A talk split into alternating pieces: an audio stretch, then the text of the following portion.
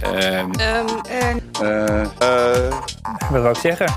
Ehm, Eén spreker gaat de mist in. Twee mediatrainers gaan in opname. Kooijmans en Kooi in een potje falen en stralen. Roeland Kooijmans van Foxtok Media en Machteld Kooi, het geheime wapen van Hilversum, zet de sprekers in de spotlights. Roeland Kooijmans. Ja, Machteld Kooi. We zitten eindelijk een keer bij elkaar hiervoor, want dit wilden we eigenlijk wel lang doen, hè, om samen iets te maken. En ehm, je bent naar mij toegekomen, we zitten bij mij thuis, dat is ook fijn eh, hier in Zutphen. En we zitten aan tafel en je hebt je computer bij je en daarop gaan we straks dingen horen. En, maar misschien is het goed om even te vertellen hoe wij elkaar eigenlijk kennen.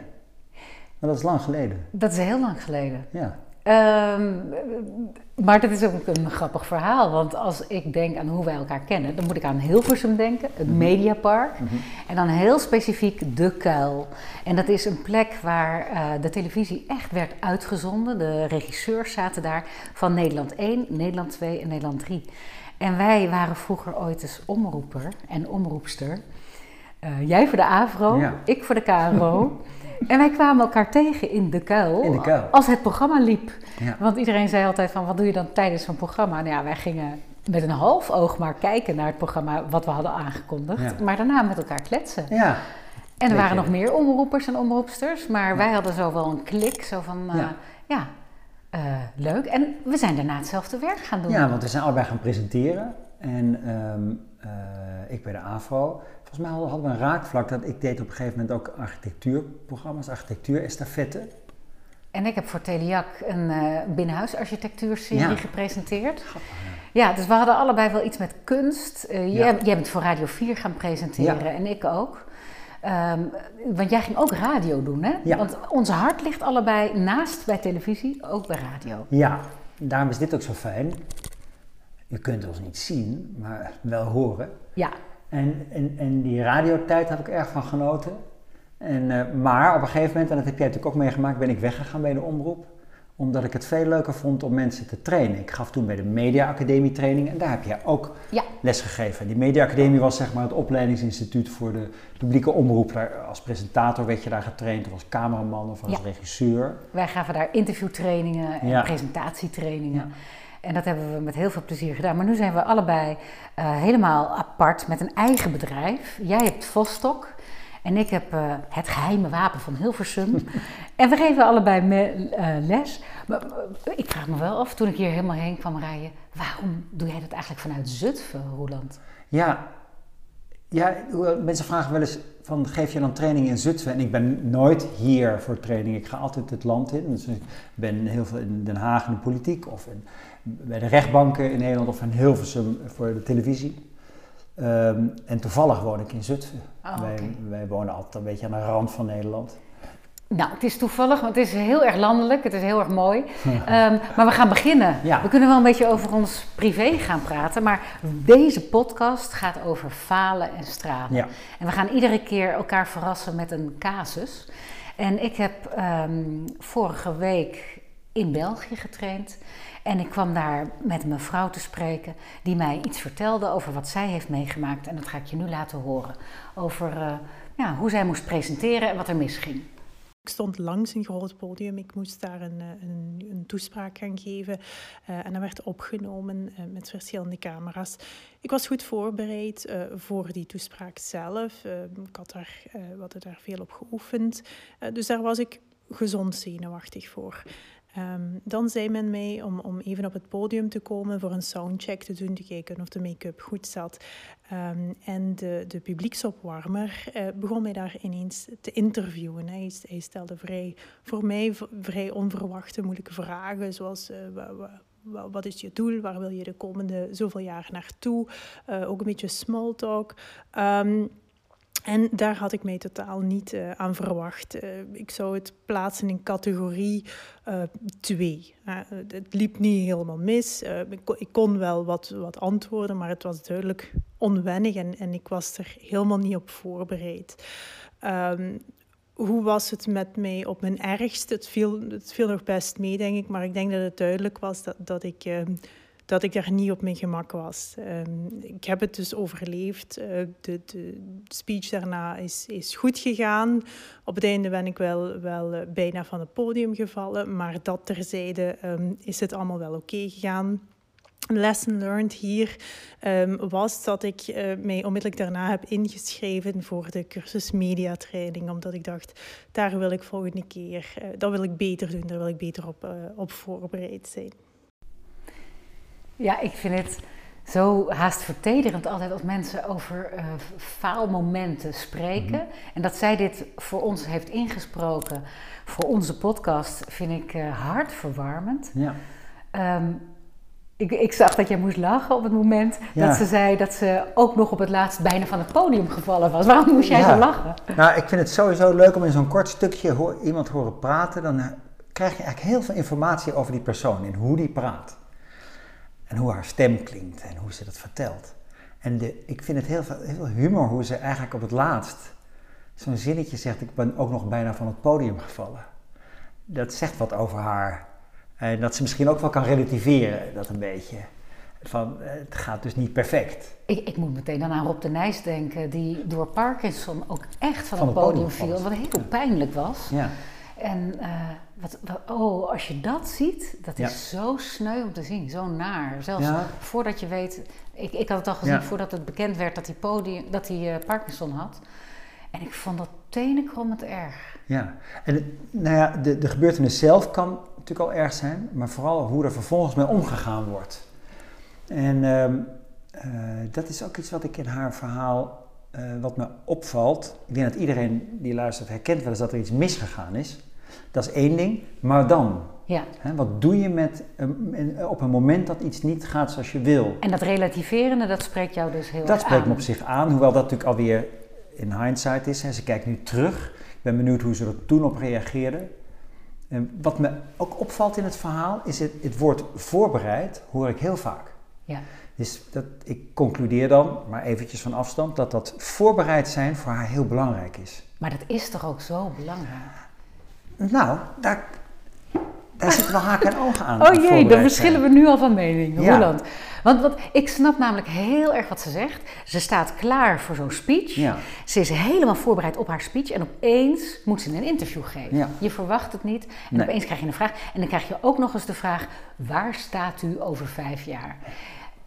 En dan klapt ze dicht. Ja. Ik snap dat heel erg. En daar heeft ze zich niet op voorbereid, nee. En dan kan je vragen, wat gebeurt er dat ze dichtklapt? Wat komt er dan in gevaar? Of wat, wat, Ja. wat is het mechanisme waarop ze opeens denkt, oeps, daar kan ik niet meer bij, bij die informatie. Dat heb ik nu niet paraat. Hè? Dus ze heeft zich voorbereid en ze heeft zich met die voorbereiding ingekapseld. Ja.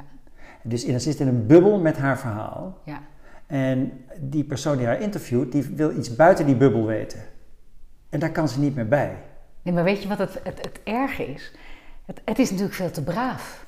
Het is heel erg braaf om dan te denken: ja, maar dan moet ik wel precies antwoord geven op die vraag. Ik moet zeggen waar ik over vijf jaar. Oh, waar wil ik eigenlijk over vijf jaar zijn? Dat is de stress. Terwijl die man die haar ging interviewen.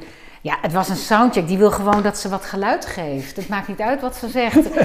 Als ze had eigenlijk gezegd: joh, ja. over vijf jaar, wie dan ik leeft, die dan zorgt. Ja. Was het goed geweest? Maar dat betekent dus dat zij het heel serieus neemt. Ja. Dus ook voorbereid zijn. Ik moet, de perfect, ik moet de goede antwoorden geven. Ik moet, er- ik moet me op mijn gemak, het moet, ik moet, het moet helemaal goed gaan. Ja. En als er dus iets niet goed gaat, dan tilt ze zwaar aan. Misschien wel zwaarder dan een ander. Een ander zou denken, ach ja, nou ja, ja. Dat kan gebeuren. En is dat karakter? Ja, ik denk het wel, hè? Ja, en, en, en natuurlijk verschillen we daarin en dat is ook helemaal niet erg. Maar je kan ook zeggen, kan je wat doen waardoor je daar wat minder eh, van schrikt of eh, in de war van eh, bent. En ehm, ehm, ik denk, dat als ik met haar zou werken, dan zou ik... ehm, ik vind altijd leuk de vergelijking die een collega van mij, eh Arold, geeft in trainingen. Dan zegt hij, eh, als je presenteert, probeer er echt te zijn. Gewoon echt. En pro- probeer ingelogd te zijn op je hersens. Die fantastische hersens die in elke situatie eh, raad weten. Wat Ja, Roland, klinkt leuk, maar wat doe je dan? Nou, wat doe ik? Ingelogd zijn in De je- telefoon je hersenen. gaat. Ja. De telefoon gaat. En ik kijk naar die telefoon. Denk ik dan, ben ik goed voorbereid op wat er straks gaat komen? Weet ik wie er belt? Nee, dat weet ik niet. Dus ik durf de telefoon op te pakken, ongeacht wie er aan de andere kant van de lijn is. En ik vertrouw erop dat ik kan dealen met de situatie. Dat is volledig ingelogd zijn. Uh, iemand die een podium opgaat, die is niet helemaal meer ingelogd, want die heeft ook een voorbereiding en een script gecreëerd om zich een beetje veilig te voelen. Ja. En daardoor is hij niet meer helemaal in dat fantastische brein ingelogd, waardoor hij dus met zo'n interviewer ik geen raad weet. Dat, dat, dat gevoel krijg ik erbij. Maar het punt is vooral, dan ben je aan de telefoon, want ze heeft de telefoon gewoon opgenomen. Ze is daar dat interview ingegaan.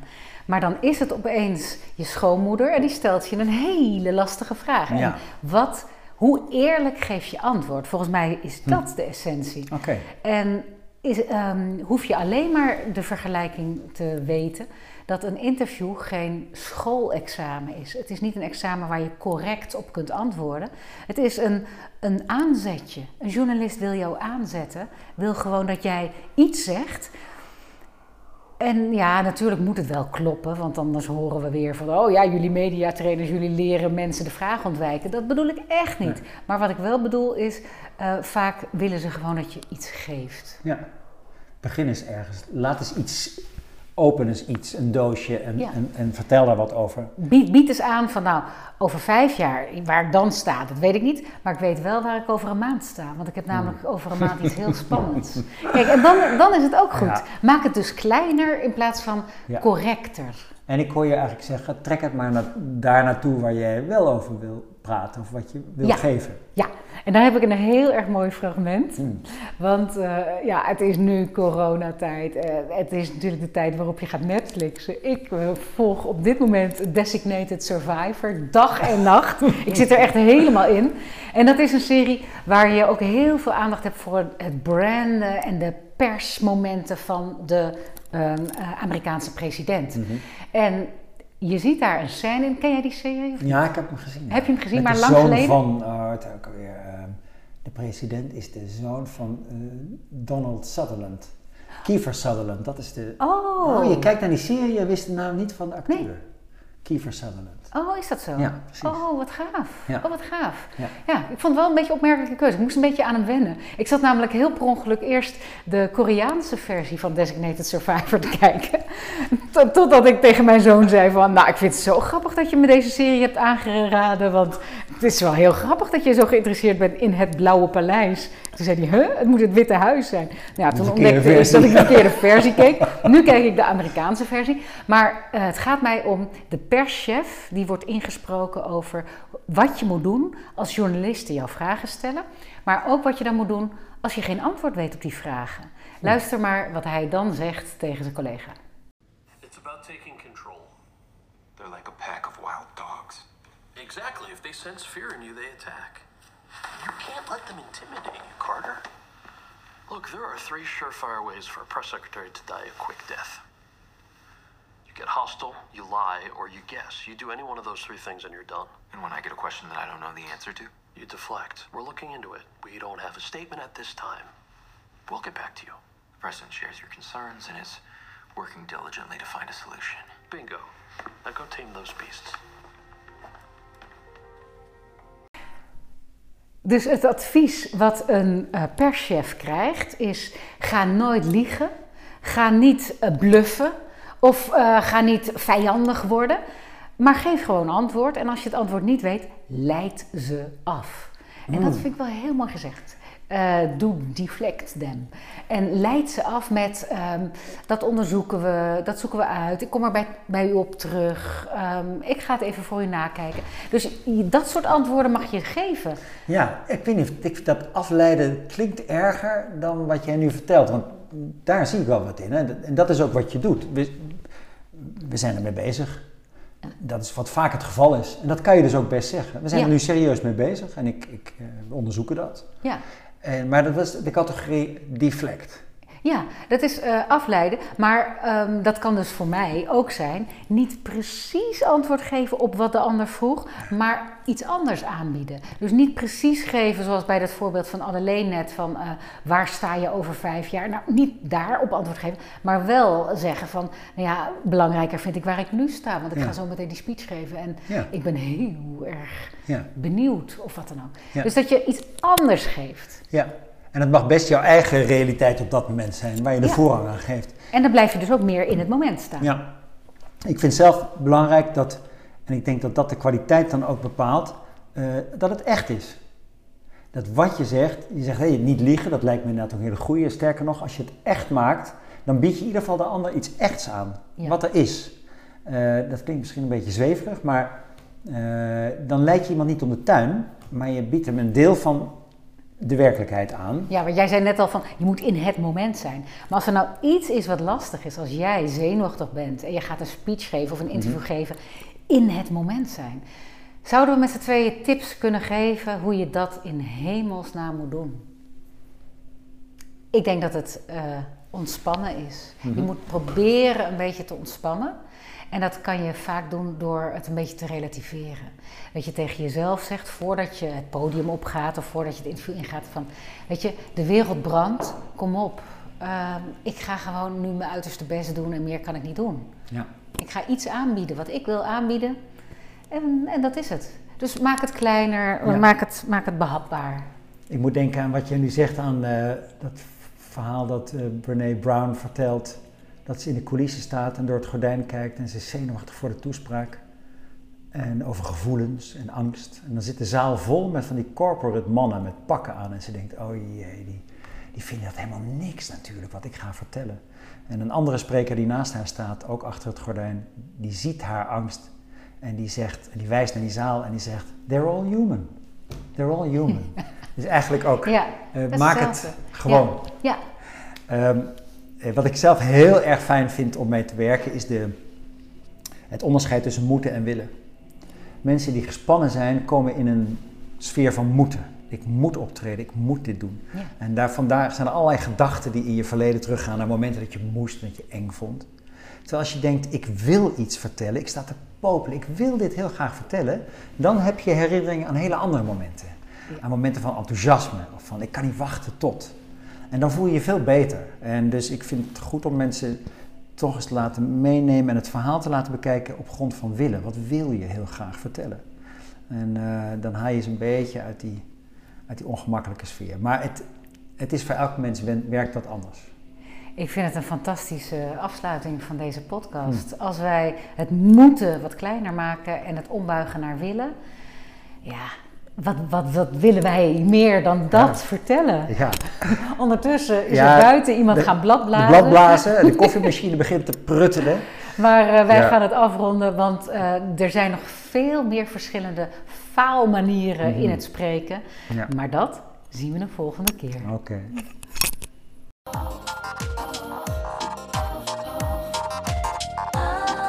Een potje falen en stralen verschijnt twee wekelijks. Reageer Abonneer, zij luisteren ook graag naar jou.